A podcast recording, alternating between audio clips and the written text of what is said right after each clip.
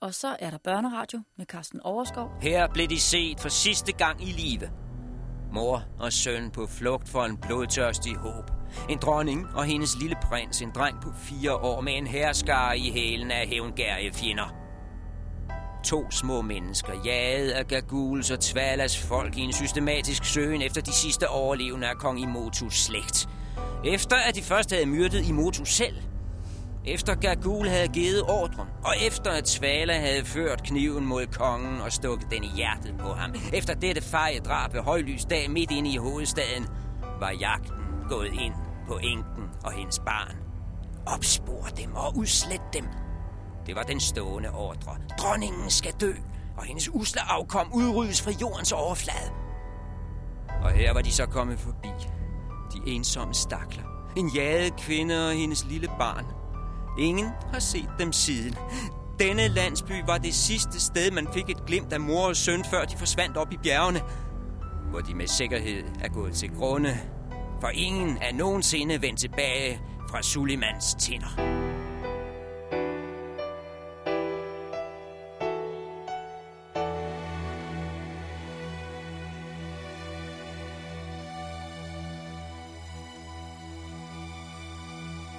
Det var i hvert fald, hvad en faders fortalte. Det var, hvad den gamle kriger viskede til mig og betroede mig, mens vi nærmede os den første indfødte landsby i Kukuana-land. Han gengav sceneriet så livagtigt, at man skulle tro, det var foregået i går. Her kom de forbi. To dage efter det lumske mor på hendes mand. Dronningen skræmt fra sans og samling. Udmattet af den stadige flugt og af at bære på sin lille søn Ignosi. Og begge udtæret af sult, for de havde hverken fået vådt eller tørt i to døgn. Ingen ville have med hende at gøre. Overalt blev de afvist, for folket afskyr en tab. Den ulykkelige kan altid få lov at sejle sin egen sø. Det galt også her, ved den sidste landsby før bjergene. Hverken mælk eller mad ville de give hende og mor og søn måtte blive udenfor hele natten. Kun én i landsbyen havde mod og mandshjerte til at samle lidt mad i en kur og krybe ud til dem i ly af mørket. En lille pige. Det er fra hende, jeg ved det. Hun er den sidste, der har set dem, før de slæbte sig videre mod bjergene i det allerførste morgengry.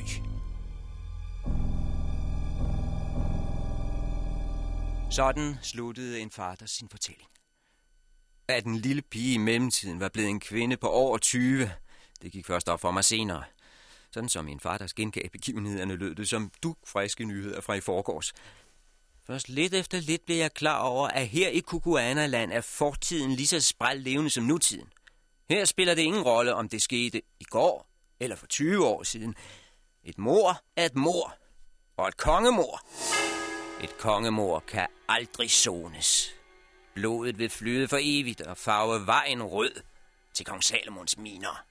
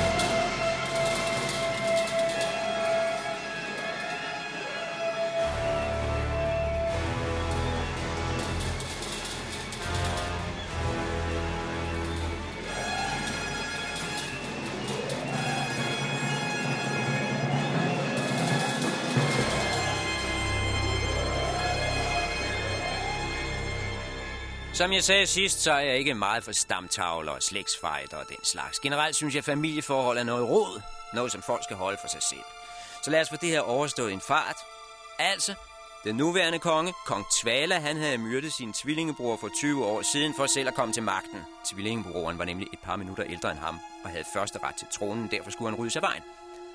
Men i virkeligheden var det troldkvinden Gagul, der stod bag. Tvala var kun et redskab i hendes hænder.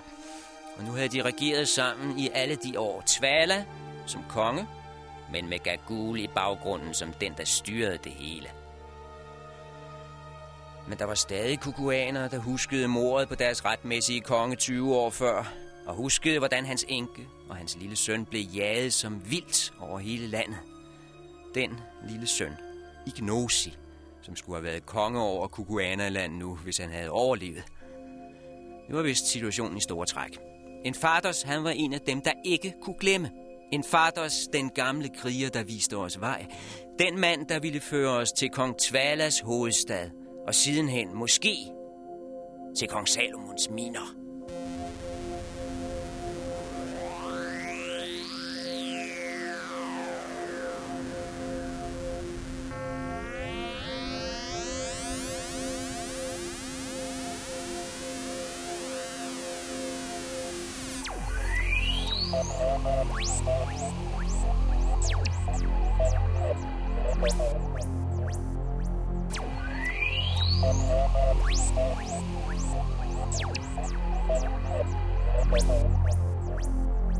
Yeah!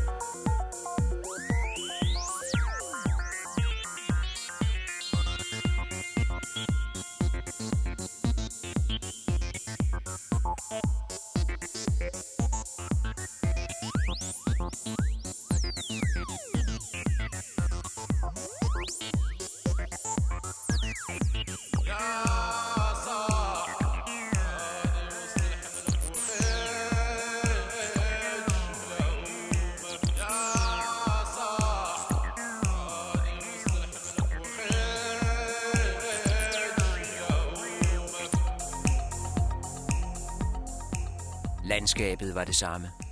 Lyset var det samme. Solen, der gik ned over denne frodige, frugtbare slette midt inde i Afrika, fik alting til at rødme. Bjergene i det fjerne, der blev farvet dybt rosa. De græsklædte bakker tættere på, der fik gyldne toppe, når de blev ramt af de skrå aftenstråler. Og de bølgende marker i bunden, denne bunen af moden korn, der stod og lunede sig i det rødlige skær fra himlen. Kukuana-land så stadig ud som paradis på jord. Men rød er ikke blot den nedgående sols farve. Det er også blodets farve. Og jo mere en faders fortalte, og jo mere jeg forstod af alt det, der var foregået netop her på dette skønne sted, jo mere grumt virkede det. Hvad der før havde virket stille og fredfyldt, det forekommer nu øde og forladt. Hvad jeg før havde set som saftige planter, der nød godt af den hyppige regn fra bjergene, det virkede nu som vampyrvækster, der stod og soppede i det rene blod. Den flok indfødte krigere, der ledsagede os, og som jeg før havde betragtet som lidt naive, aggressive i starten, ja vel, men i bund og grund godmodige og tilfredse med tilværelsen, de viste sig nu at være hadefulde og bitre. Ikke på os, men på forholdene i deres eget land. Dybt nede ulmede konflikten i dem. Stridbarheden. Den harme, der ikke kunne komme ud. Den frustration, der havde naget dem lige siden Tvaler kom til magten for 20 år siden. Og inderst inde bar de på en skjult længsel efter den rigtige konge. Den landsfader, de havde mistet. Men hvem kunne vide det, når man bare så sig om i det skønne landskab?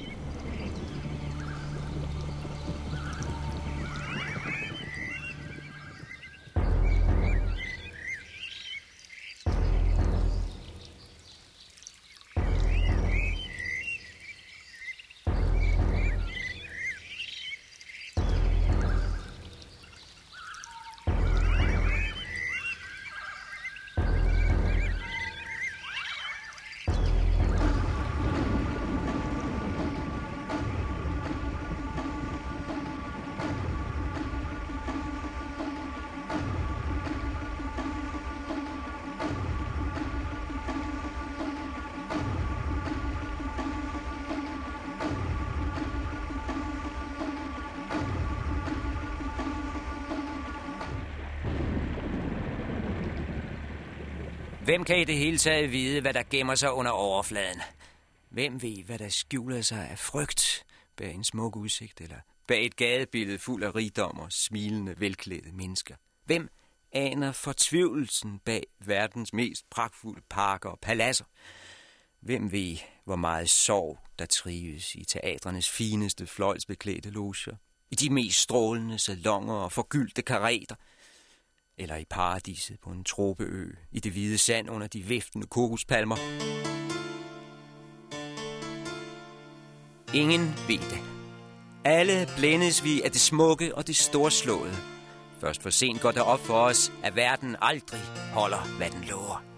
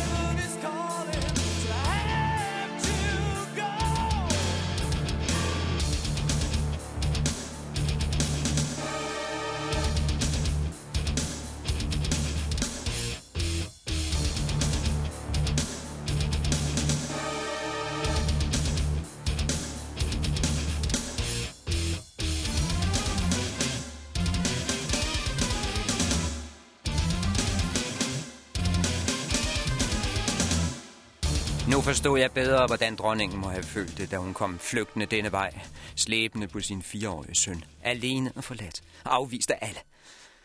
For der lå landsbyen, og jeg har aldrig set noget så afvisende. Midt i dette pragtfulde åbne landskab lå den som en lukket hånd, en knytnæve mod verden. En lille by, der siger, nej, her kommer du ikke ind, her får du ingen hjælp. Pludselig var den dukket op bag en bakketop, befæstet til alle sider.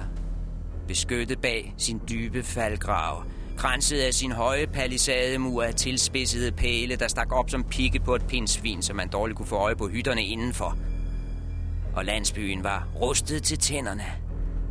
Aldrig har jeg set så mange tropper i så lille en by.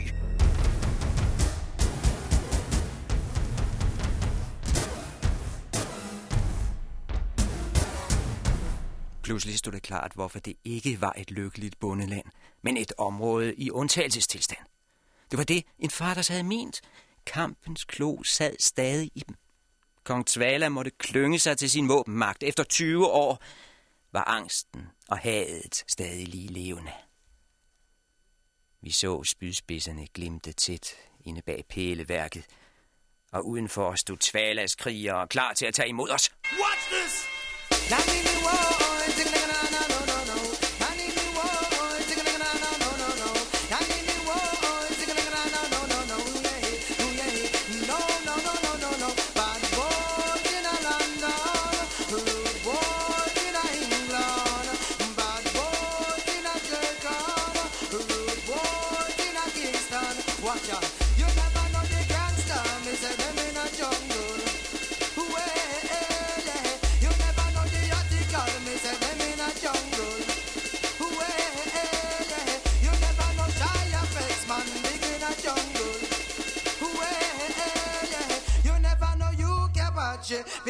jungle. When we tell everybody, watch it now, man. Me at the nutter,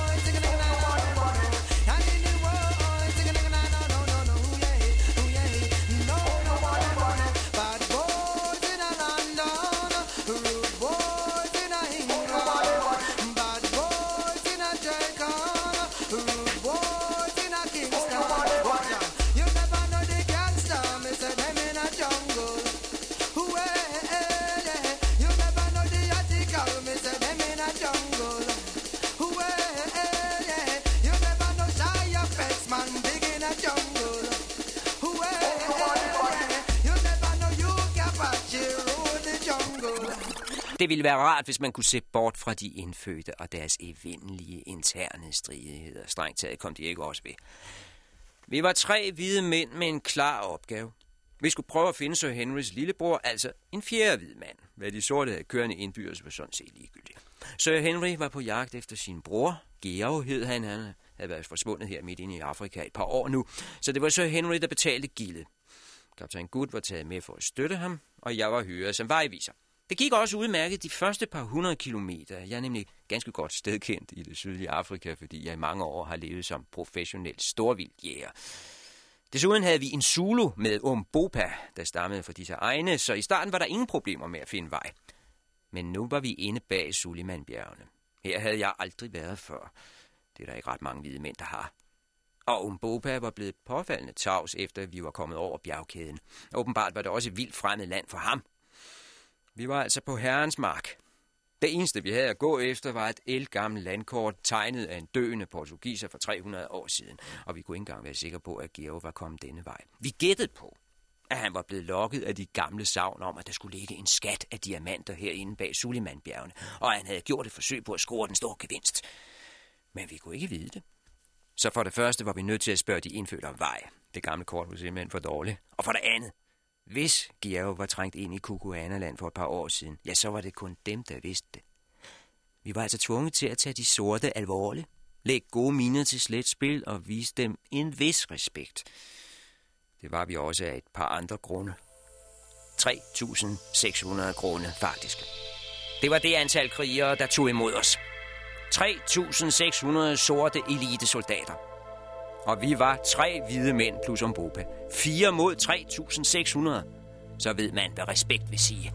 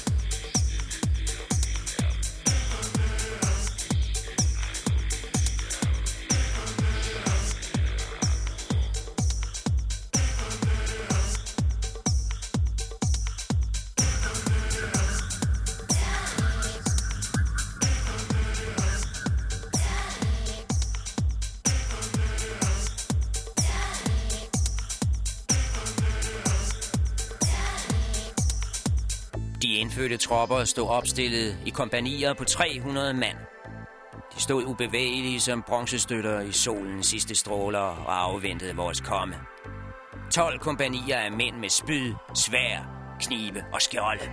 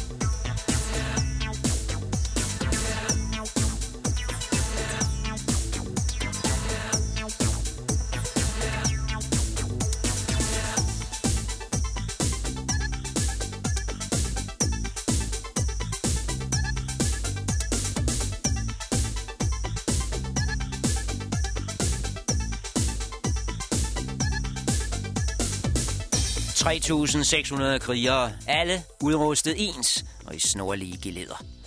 Det lyste langt væk af relevant og knaldhård disciplin. Et praktisk skue. En præcision, som ville varme hjertet hos enhver militærmand på denne klode. Hver gang vi passerede forbi et kompani, lød den samme kommando. Og spydene fløj i vejret og blev holdt i strakt arm. Muligvis var det ment som en art honør for os, men den hilsen kunne vi godt have undværet det gav et sæt i en hver gang. Og i samme øjeblik, vi var forbi, marcherede hele kompaniet ud på vejen, drejede om på hælene og fulgte efter os. Kolonne efter kolonne sluttede op bag os, så da vi tre hvide mænd om sider nåede frem til Vindebroen og porten ind til landsbyen, der havde vi 3.600 krigere i ryggen. 7.200 fødder, der stampede i støvet bag os, og trampede i takt, vil jeg mærke, så jorden dirrede under os. Der stod ingen velkomstkomité parat med smil og fremstrakte hænder. Ingen bød os indenfor, men det gav sig selv. Med tusind spyd i nakken var der kun én vej frem, og det var over Vindebroen og ind af porten. Jeg kan ikke tale på andres vegne. Jeg ved ikke, hvad Sir Henry følte, eller kaptajn Good.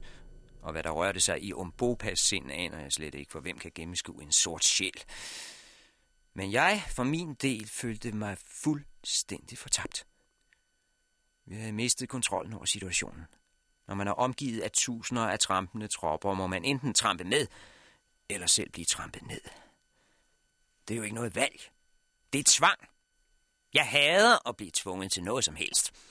Og særlig hader jeg at blive tvunget til noget af en flok elendige indfødte. Er der noget, en hvid mand aldrig må give slip på, så er det grebet, kontrollen, handlefriheden. Jeg siger, jeg bringer jer aldrig, aldrig i en situation som denne.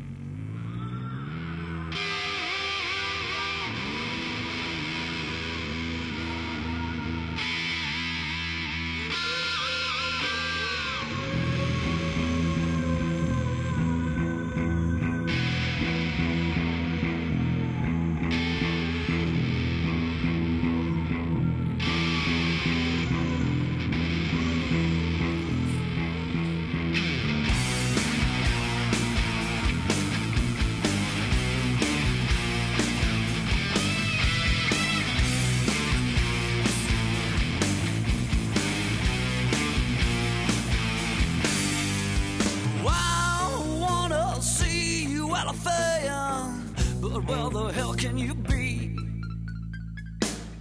I wanna hear you, elephant. Won't you talk to me? My ears are wide, my walk is. Out.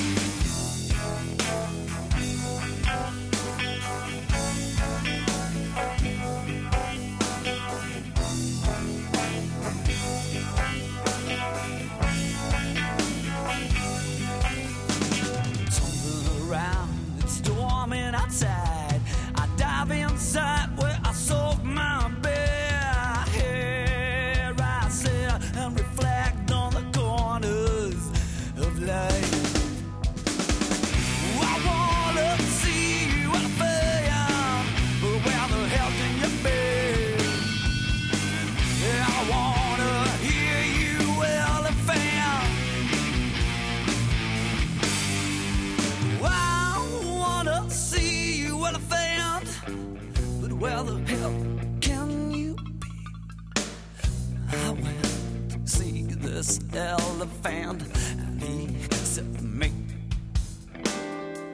My daddy's short, but yours is gone. My trumpet blows to bless the song. Your path is left to die.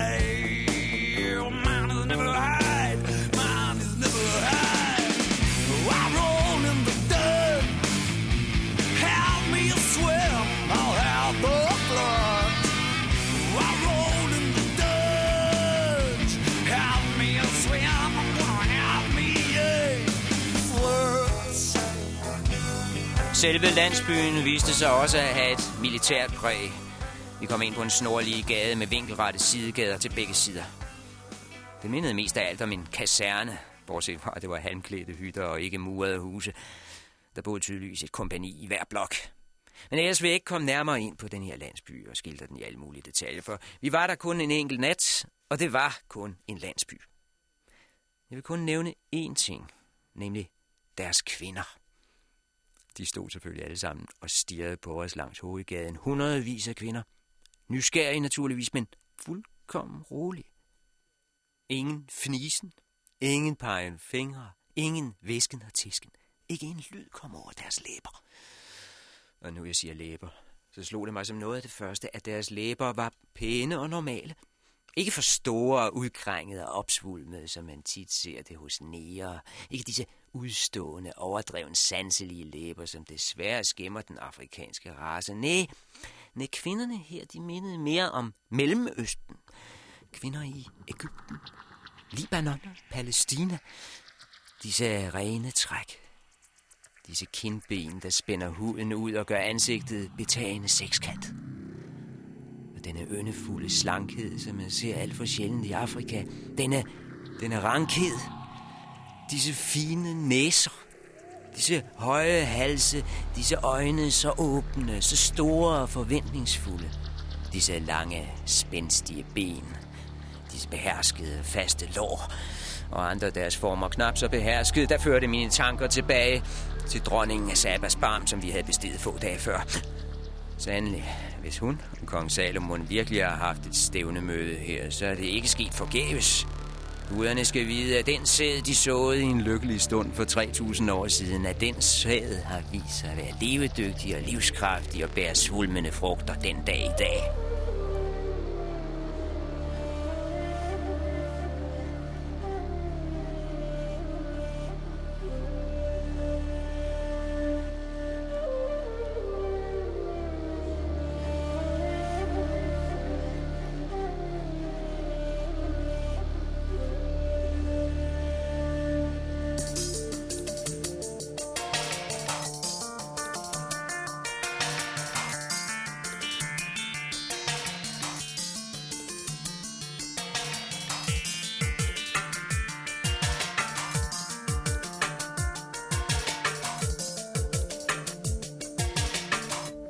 Sagt, når man så på deres kvinder, følte man sig hensat til Cairo eller Beirut.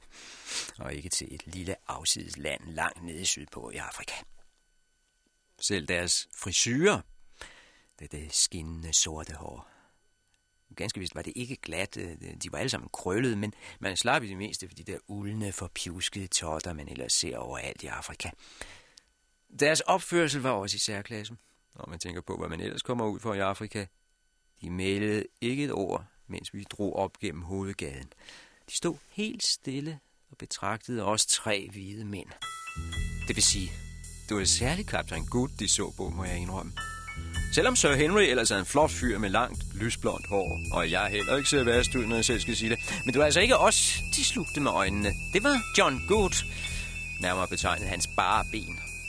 Her må jeg lige minde om, at han øh, havde stået nede ved floden og vasket sig, da de første indfødte kriger dukkede op. De havde bogstaveligt talt taget ham med bukserne ned. Og siden havde han aldrig fået dem på igen. De sorte synes nemlig, at hans bare ben var helt enestående. De havde aldrig set noget så sælsomt og smukt. To ben, så blege, så hvide.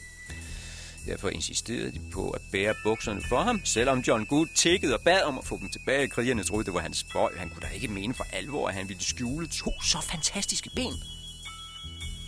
Men det var intet imod kvindernes beundring nu, da vi træskede op gennem hovedgaden. Hvert et blik var rettet mod kaptajn Good. tusind øjne fulgte ham ufravendt, det vil sige, fulgte hans ben. Hver eneste hans skridt blev set og registreret. Kunne ikke slippe ham med øjnene, og det galt så vel pure unge piger som kvinder i deres mest blomstrende alder og gamle koner på gravens rand. Ingen ville gå glip af dette syn. Disse to hvide mirakler, der stak ud under kaptajn Guds skjort.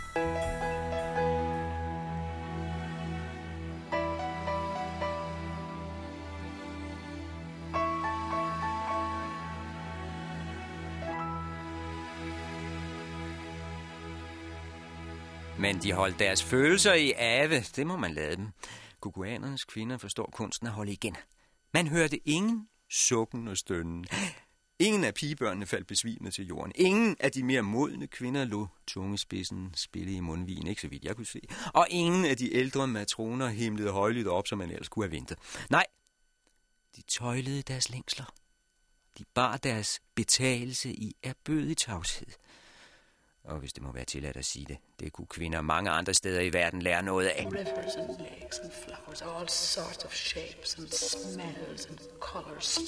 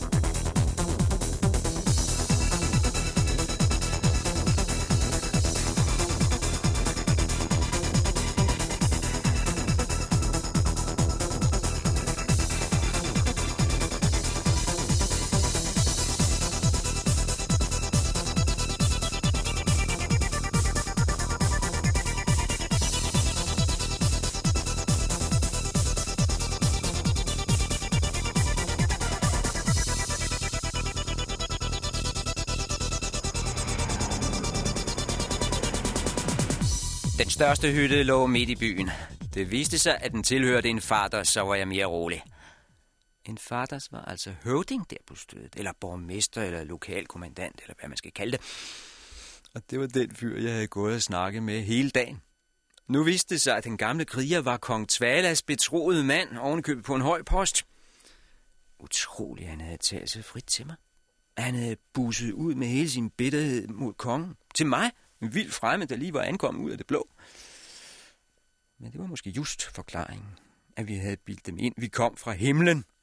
En faders mente åbenbart, at det var umuligt at holde noget hemmeligt for sådan en som mig, fordi jeg stammede op fra stjernerne. Måske var det derfor. Men det betød for det første, at vi kunne trække vejret roligt. Gamle Enfaders havde styr på sine tropper. De 3.600 krigere ville ikke krumme et hår på vores hoveder. I hvert fald ikke den nat. Og for det andet fik vi alle tiders fine betjening. En faders stillede sin egen hytte til rådighed, og det var altså den største hytte i byen. Den fik vi helt for os selv som gæstebolig. Der var allerede ret op til os og stillet vand frem i store krukker, som vi kunne vaske os i. Og næppe var vi trådt indenfor, før der kom en hel kolonne af unge piger med mælk og honning og ristet mel og en fed kalv, der blev slagtet for øjnene af os, så vi kunne se, at kødet var frist. Endelig et ordentligt måltid. For første gang 14 dage.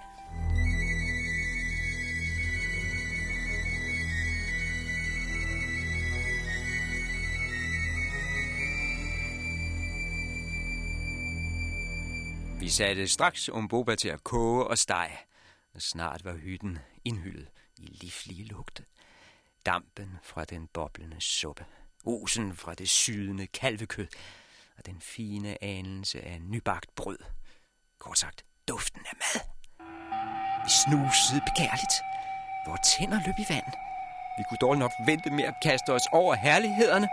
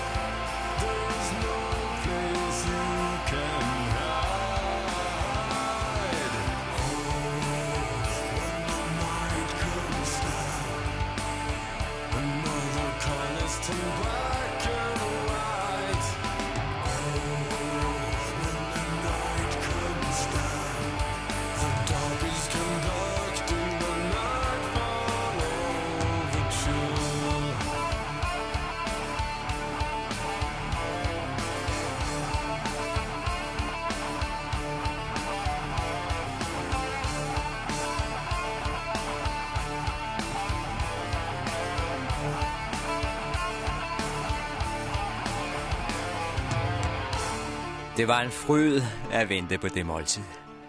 Folk taler sandt, når de siger, at forventningens glæde, den er større end alle andre. Dog, en ting burde jeg have hæftet mig ved at undersøge lidt nærmere. Jeg lagde godt nok mærke til, at Umboba havde fået en ung kvinde til at hjælpe sig med madlavningen, og at det var en ualmindelig yndig ung pige. Men nu jeg tænker tilbage, så var det påfaldende så fortroligt, de talte sammen, mens hun gik til hånden. Det virkede næsten som om, de var gamle barndomsvenner. Men jeg fattede ikke mistanke, ikke ved den lejlighed. Jeg tænkte kun på den herlige middag, der var på vej. Og senere på aftenen stussede jeg heller ikke, da Umboba helt frivilligt meldte sig til at holde vagt, mens vi andre tre sov. Jeg var så mæt, jeg ikke tog mig noget som helst. Men der havde været andre tegn.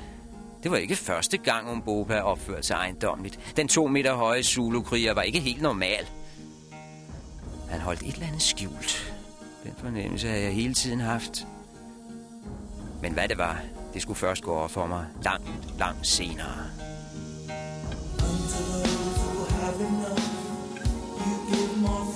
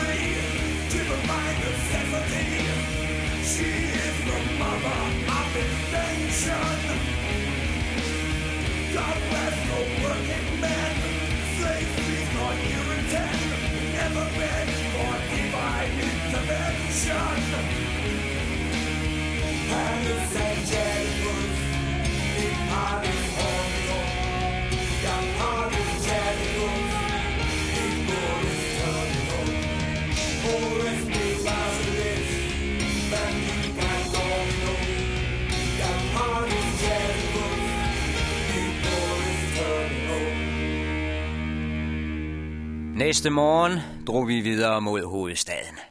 Gamle Enfaders fulgte stadig med som vejviser, og to dage efter stod vi foran Lou, som byen hed. Vi var stoppet på toppen af en bakke for at tage et hvil, og der lå hovedstaden pludselig. Udbredt for vores øjne. Udbredt er ikke for meget sagt, den fyldte det meste af sletten mod nord. En stor by, efter afrikanske forhold, cirka en kilometer i omkreds, med hytter i tusindvis inden for palisademuren, og med forsteder udenom, mindre landsbyer, der ligesom strålede ud fra hovedbyen. Det så ud til at være kaserner for hæren at dømme efter den stadige strøm af krigere på vejene. Aha, tænkte jeg. Det er altså den store stad Lu, som vi har hørt så meget om. Kong Tvalas residens, kukuanernes elgamle hovedstad. Men landskabet bag ved byen var faktisk endnu mere interessant. Sceneriet op mod nord. Først en gigantisk jordhøj i hesteskoform, der godt kunne se ud til at være rejst af mennesker. Den lå vel en halv kilometer bag byen. Og et stykke længere bagud, cirka 10 kilometer væk, stod tre bjergtinder og ragede i vejret. Uden varsel skød de op fra sletten til flere tusind meters højde. De havde alle tre sne på toppen, ligesom dronningen af Sabas barm. Men ellers var der ingen lighed. Disse klippekejler ejede ikke rundinger og kublede former. De var langt stejlere, spidsere, skarpere. De jo mod himlen som tårne.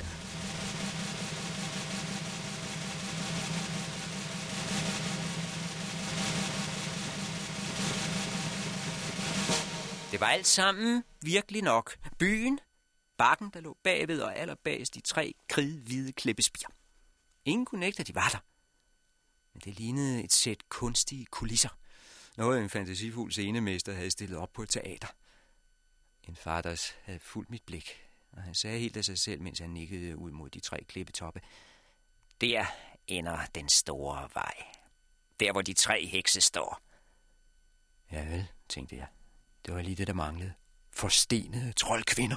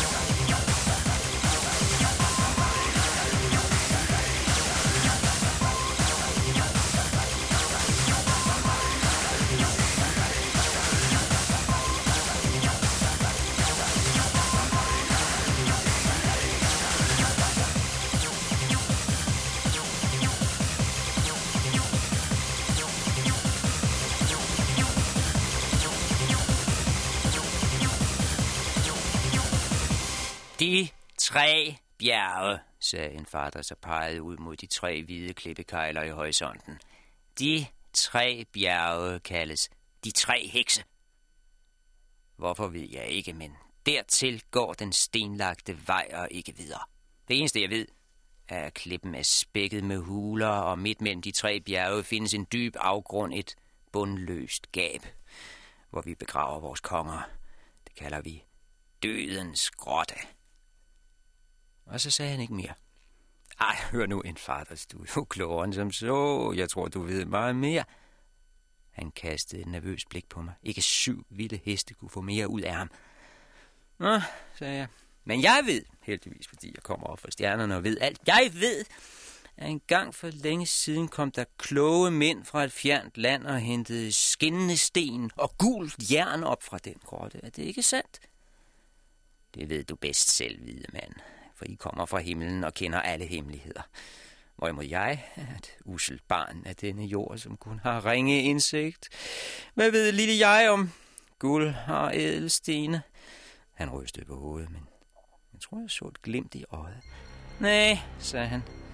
Det må du spørge Gagul om. Hun kan jo huske mere end nogen anden. Hun er jo så klog, så klog. Næsten lige så klog som dig. Den slags må du tale med Gagul om. Og det samme vendte han sig bort, sikkert for at skjule sin vemmelse. Alene det at skulle nævne navnet Gagul var en prøvelse for ham. Men han behøvede heller ikke sige mere. Jeg havde hørt tilstrækkeligt. Sir Henry, råbte jeg på engelsk. Kaptajn Good, jeg tror faktisk, vi har fundet kong Salomons miner.